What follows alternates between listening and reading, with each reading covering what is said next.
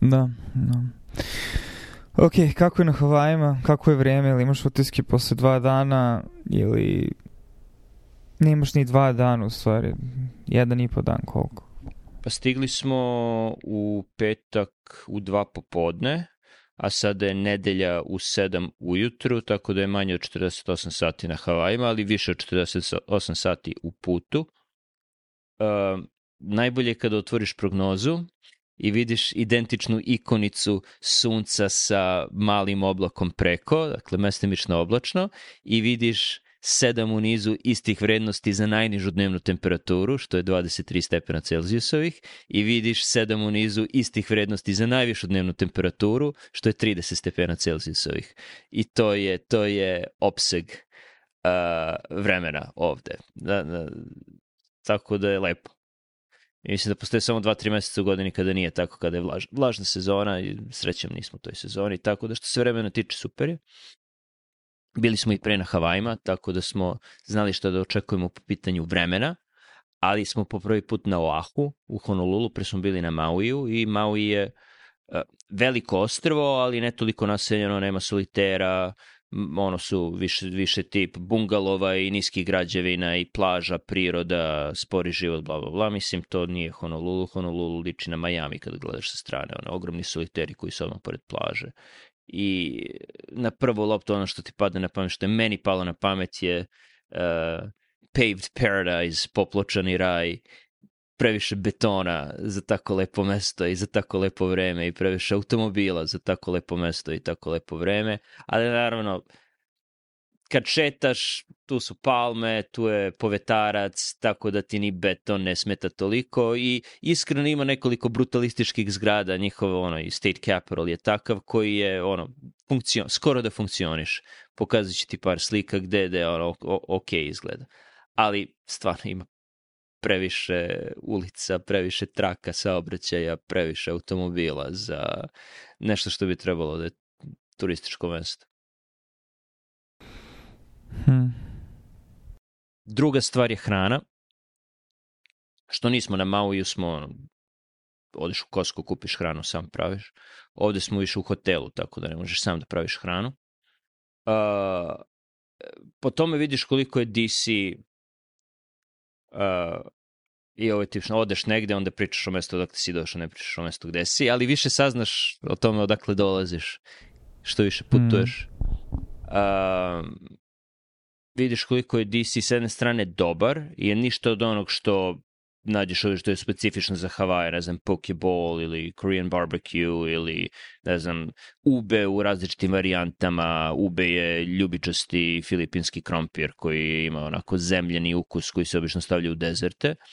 Ništa toga nije, nije neobično za DC. Sve to možeš da nađe. Ima gomila poke mesta, imaš gomilu koreanskog barbecue, imaš ovaj Purple Patch je dobar filipino restoran u, u Mount Pleasantu, gde smo ono, bili pre čim smo se doselili, pošto smo blizu živjeli tamo. Uh, dakle, ništa toga nije čudno i vidiš koliko imaš varijeteta i onda je DC još specijalan po tome što da, možeš to, što je specijalno za Havaje, ali isto tako ako hoćeš iransku hranu, ako hoćeš etiop, etiopljansku hranu, ako hoćeš sve to, svega toga ima u DC-u. Uh, ali plaćaš mnogo više i kvalitet je uh, otprilike kvalitet koreanske hrane koji smo simać imali u jednom food courtu, znači u shopping mallu, u tržnom centru. Uh, zove se Yummy Korean Barbecue ako neko ide u, u, uh, u ovo Ala Moana tržni centar. Uh, odličan je. Otprilike kvaliteta kao neki jači koreanski restoran u DC-u i naravno jeftinije. Mada se ljudi ovde žale kako je sve poskupelo i kako da ne mogu da veruju koja je cena. Uh, ne, nije toliko skuplja koji je uopšte skuplja od, od, od DC-a. Hmm. Da li misliš da postoji neka funkcija vezana za koliko je skupo doći negde kao turista i onda koliko je Mislim, ne znam, ne, ne, nema mnogo paralela između Havaja i Islanda, ali prva stvar koja pada pamet je jako jeftino doći na Island, ali je hrana preskupa, mislim da ima i smisla s obzirom da je vulkansko ostrovo koje se bavi ribolovom na severnoj hemisferi, daleko, daleko na severu, dok su Havaji tropsko ostrovo, ali opet i oni su zavisni od uvoza, ali opet imaju dovoljno površine da, mislim, to su mi stvari čak i ti predočio da ono se bave svojim stočarstvom, ne, ne, ne uvoze toliko um, životinsko meso. Um, ne, uvode, da, ovaj... ne, ne uvoze, znači sa hranom su samo dovoljni. Svo, je, jedino, da, čak i ono, jaja, mleko, sve što se prodaje u, u piljarama, piljarnicama u, na Havajima je, je domaća proizvodnja. Nema ga toliko i nije tolika konkurencija kao u ostatku Amerike, tako da su zato stvari skuplje, ali generalno su ostrva samo dovoljna. Mislim, sve prepuno ono, macadamian, oraha i, i ne znam, pretpostavljam da kakao uvoze, mada ni za to nisam siguran, moguće da mi plantaže kakao ovde. Ne, ne znam kako izgleda poljoprivreda kakao a, ali već, većina stvari koje prodaju ovde u prodavnicama su, su sa, sa ostrava, bar što, što je za svakodnevnu upotrebu. Ima gomila Tesla i Ferrari, koje siguran sam nisu, nisu proizvedeni ovde, to, to se uvozi, ali ono, brodovima je usput da svrati do Havaja kada idu, ne znam, iz Hong Konga do, do San Diego ili koja je, koja je velika luka na zapadnoj obali. Tako da, da im je ono usputna stanica, pretpostavljam. Ono što sam mislio da će da kažeš je da li postoji veze između cene koju ljudi plaćaju novčane i u vremenu i uh, traumama koje preživljavaju toku puta i zadovoljstva koje imaš tu, jer ono, zašto bi se neko izlagao letu od, uh, išli smo iz uh, brzi let do Njorka, sat vremena do JFK i onda 11 sati u avionu uh, od JFK-a do, do Honolulu, mislim, ko bi se tome izlagao, naročito kao kad smo išli na Maui sa sitnom decom. Uh, onda mora da je ono što dobiješ na kraju tog puta mora, mora da vredi i generalno vredi, jer osjetiš kad sletiš ovde da ti se pritisak spusti za 10 mm žive, da ti se puls smanji za, za ono 5 do 10 otkucaja u minuti i onako se samo ah, izdahneš tako da je, da je opuštajuća generalno atmosfera. Jer da, da, da ne vredi ljudi, ono, ne bi se izlagali tome. Ne bi, ne bi postao tako dobra destinacija. Da. U Solunu dinar somun. Nije najbolja analogija, ali oslikava količinu truda ili novca koji trebaš da uložiš da bi došao negde. Ne znam, ja, ja mislim, ono, mislim da su dosta puta i pričali o iskustvima. Moj utisak, eto, od skorašnjeg dolazka u Srbiju, opet, znači, kad dolaziš sa mesta, porediš sa mestom, kao što si rekao, a, iz ko, kojeg jesi i onda, ono, i drugo imaš svoje pristrasnosti i želje da neke stvari budu bolje nego što zaista jesu. Uh, jedna stvari koju sam uvidio u stvari koliko DC jeste dobar grad zadnjih ono par nedelja jer imaš novu perspektivu jer nisi bio tu i onda porediš sa mestom u kojem si bio pre sada već 3-4 nedelje. Um, i ono, lepo vreme, pogotovo jesen. Svaki put kad ovako krene ovako vreme e, pada mi na pamet jesen je moja omiljena godišnja doba kada je ovakva kakva jeste i takva jesen ne postoje u Srbiji uh, jer je ono uglavnom skok iz leta u neku mrljavu zimu ovde je lepo sveže, sunčano 10 do 15 stepeni um, nekada padne kiša ali nisu oni nenormalni pljuskovi ono da, se, da ti se ono, smrzavaš do kostiju um, generalno ima i dalje dovoljno sunca u oktobru, znači nije, nisu dani još prekratki, tako da je lepo šetati. DC je dosta prostran, ima dosta parkova, tako da je lepo ići i videti sve te uređene stvari. Uh, znači, jutro smo bili na trčanju i ono, nije ni bilo toliko gužve i kao ok, nije, nije, nije, nije toliko loš grad lako je kritikovati kada se izmestiš i onda, i onda se vratiš. Um, pogotovo ako si motivisan da kritikuješ stvari. Um, ali cene namirnica je svuda poskupila tako da ono sva mesta su generalno sada u neku ruku Znaš, to je jedan od prvih kritika uvek, ono, poskupilo je ovo ili poskupilo je ono, ne mogu da verujem, sad kad uporedim sa svojim iskustvom od pre pet godina, ovo mesto više nije toliko cool, u velikoj meri to zato što su te stvari koje utiču na tvoj svakodnevni kvalitet života, tako da iako imaš lepe prostorne ulice koje su uglavnom čiste i uh, lepe parkove, kada, kada ti se budžet za hranu drastično povećava, onda i čitav ugođaj bude manji, onda sa setom, nostalgijom gledaš na godine provedene u Baltimoru, gde si imao osjećaj da svojim platom interna si mogao sebi da priuštiš mnogo češće odlazak u restorane. Znači, sećaš se skoro ono, kako normalno bilo posle posla otići na pivo i pojesti ostrige, jer kao, šta, ostrige su jeftine. 3-4 za 10 dolara, šta god. to u više nije stvarnost. Da, u da, Baltimoru. Da, da. Ogromna razlika.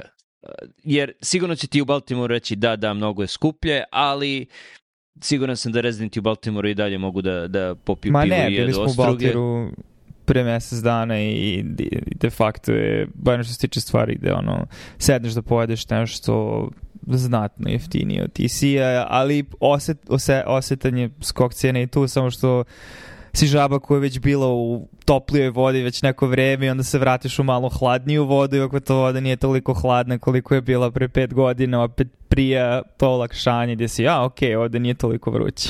No. No. To je tačno.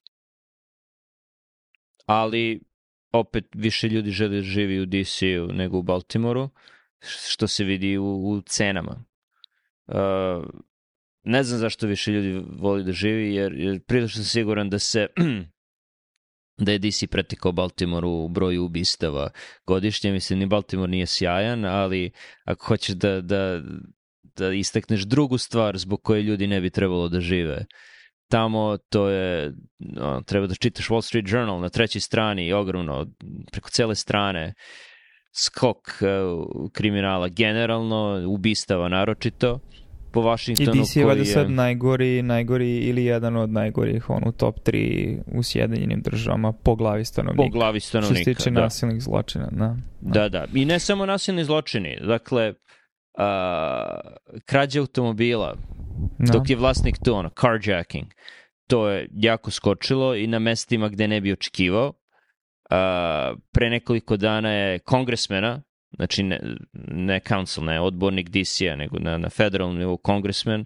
je, je nekom je uzeo auto ispred stana.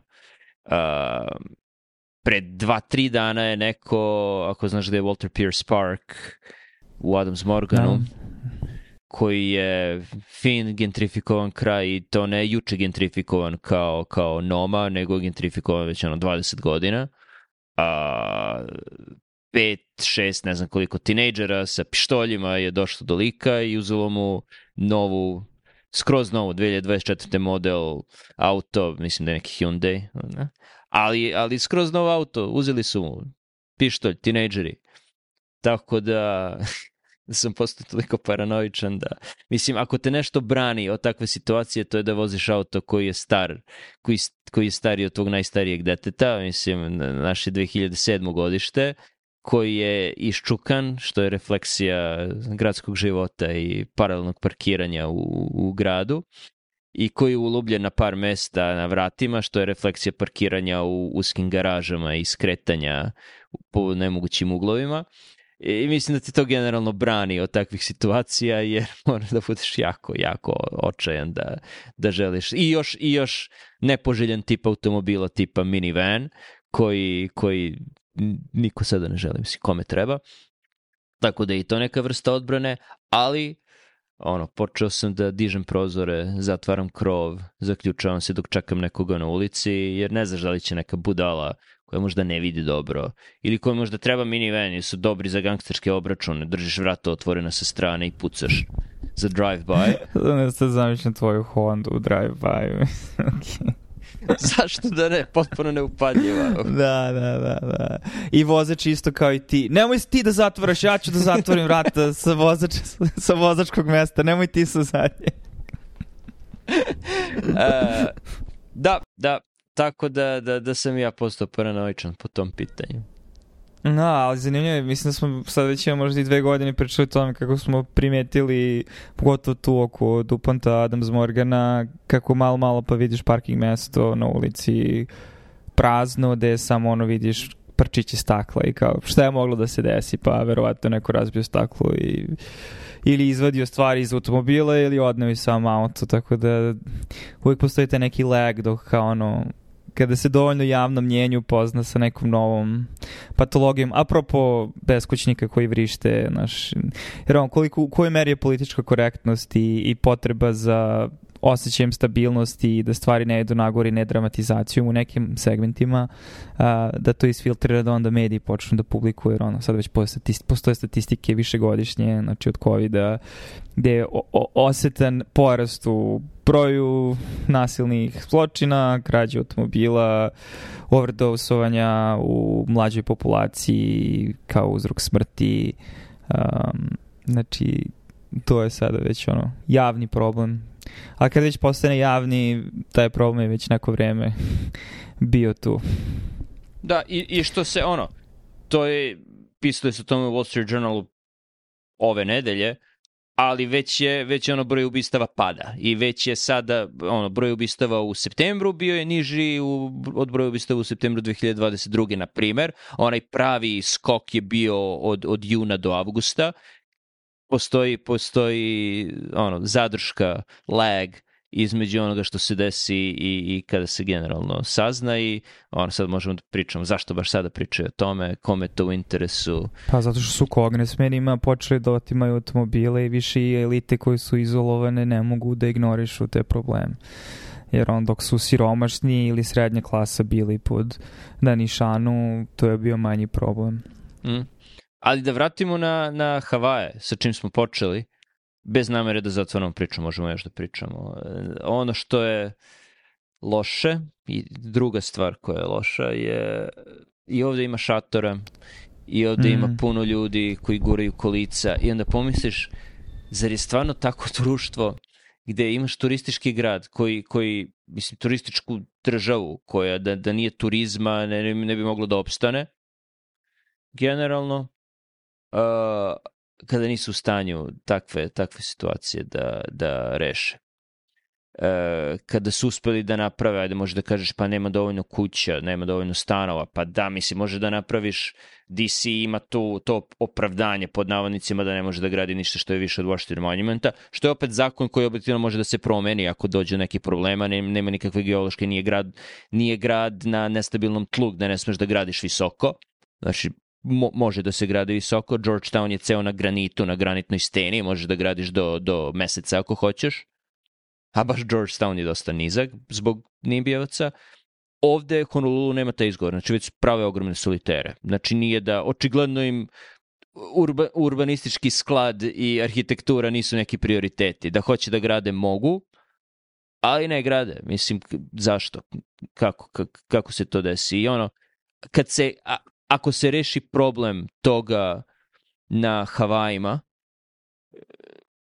mislim da to može da bude da ključ, jer kad čak i ovde postoji taj problem, mislim, problem je dubok. Mm. Mm.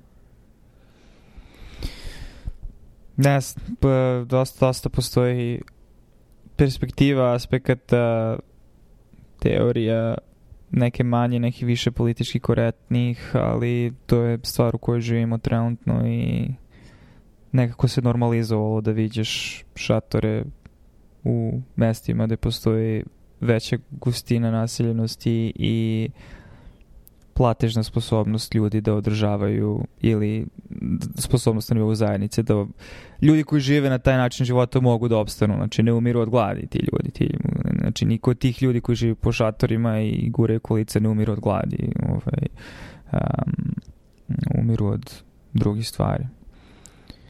Pa umiru od narkotika, ne umiru čak ni od oružja, što je zanimljivo. Pa to, i to je sad ono moment, znaš, gde je tu lanac odgovornosti i koja je odgovorna za sve to i onda u kom smislu je produktivno pričati o različitim nivoima lancima odgovornosti zato što koji od njih može dovesti do promena u domenu politike znači javne koje bi onda pomoglo svemu tome um, ali mislim da trenutno nije da je milje i dalje takav da nije da, da bilo kakvo rešenje koje podrazumeva nedozvoljavanje takvog ponašanja je manje popularno, ali mislim i DC kao grad uh, koji bi mislio da bi dozvolio to, opet postoje neka granica jer su počistili te šatore pre par godina kad je baš počelo da bude um, baš je počelo da bude očigledno znači na, na svakoj veći raskrsnici da imaš dovoljno ljudi koji prolaze u toku dana koji mogu da daju novac počeli su da niču ti šatori. I dalje ih ima ali ih ima meni se čini manje nego pre par godina. Mm. ali to opet da li na to treba da gledaš kao na problem koji treba da se reši da, da, iako je problem, čiji je problem? Da li je problem ljudi koji gledaju to, da li je to naš problem ili je to problem ljudi koji tamo žive i tako žive i da, da, da li treba da se reši njihov problem. I onda, uh, ako je naš problem, ako to gledaš kao samo ih skloni, mislim to je malo problematično sa više aspekata i ne bih se baš složio sa tim i onda ajde da se složimo, to je problem ljudi koji tako žive, ali šta će da se desi ako uh, ti pričaš sa njima i saznaš da to njima nije problem, da, da je to ono poželjno, da, da, da je to izbor, što ne sumnjam da će puno aktivista u San Francisco da ti kaže da je to njihov izbor i ne smeš da se mešaš u njihov izbor i to je, i to je ono, slobodna volja tih ljudi i, i tu dolazi do konflikta I, Pa to, ali nije moj izbor, ja nemam izbor na to da li će neko da vrišti na mene pošto je sad normalno da neko vrišti na mene nekoliko puta nedeljno kad ja prolazim pored. Tako da sad kad vidim nekog odmah se udaljavam ono više metara da ne bi slučajno isprovocirao znači psihotičnu reakciju jer ne znam do koje mere će to eskalirati, znaš, ove, ali kad ti ljudi vrište u facu. Mislim, ne, ne vrište oni na tebe, oni vrište na nešto drugo što vide ili osjećaju u tom trenutku, ali meni to nije prijetno, mislim, i nikome ko nije, i svako ko kaže da mi treba da to istrpimo, jer je to... Uh, nama je lako, njima nije lako, mislim da na kraju ne adresira suštinski šta je problem u svemu tome, nego samo odlučuje, odlučuje da ima ono takozvano um, uh, kako ono, luxury belief ili kako već, znači verovanje koje sebi možeš da dopustiš zato što je to za tebe u tom trenutku na nivou male napasti i nečega što možeš da ignorišeš, ali dosta ljudi ne može da ignoriše to zato što su njihovi životi mnogo bliži svemu tome. Kao što ono je neko mogu da ignoriše porast u uh, krađe automobila dok to ne dođe do tvog fancy predgrađa ili ove, tvog fancy dela urbane zgrade gde eto na neko ti je digao auto sa parkinga gde nije bilo toga pre samo par godina. Ali da. A da kaže da je lanac odgovornosti i nivoj odgovornosti komplikovan jer postoji mnogo načina da gledaš na sve to i onda samo postoje pitanje ko je najhumaniji i najproduktivniji način da se razmišlja o tome jer globalni problem je ono opšte društveni problem a to je što imamo tako rasparčano društvo da ne vidimo svi da smo svi deo neke zajedničke priče u kojoj uh, znaš, tako da ovo može čak ne znam iz, izlačiti istorijske paralele uvek problematično, ali ono znaš, i u starom Rimu je bilo mislim ono, u, uvek je bilo uh, slamova i ljudi sa različitim problemima uh, koji su bili na ulici Um, mislim, možda smo opet da se nadovežem na konverzaciju koju, koju nismo snimili, ono, uh, možda je bilo ekstremno to što toga nije bilo toliko u periodu nekog ekonomskog uspona u kome smo svi uživali ili u kojima su ljudi u ovim zemljama na zapadu uživali, do skoro smo ga i mi uživali, sad je ovo samo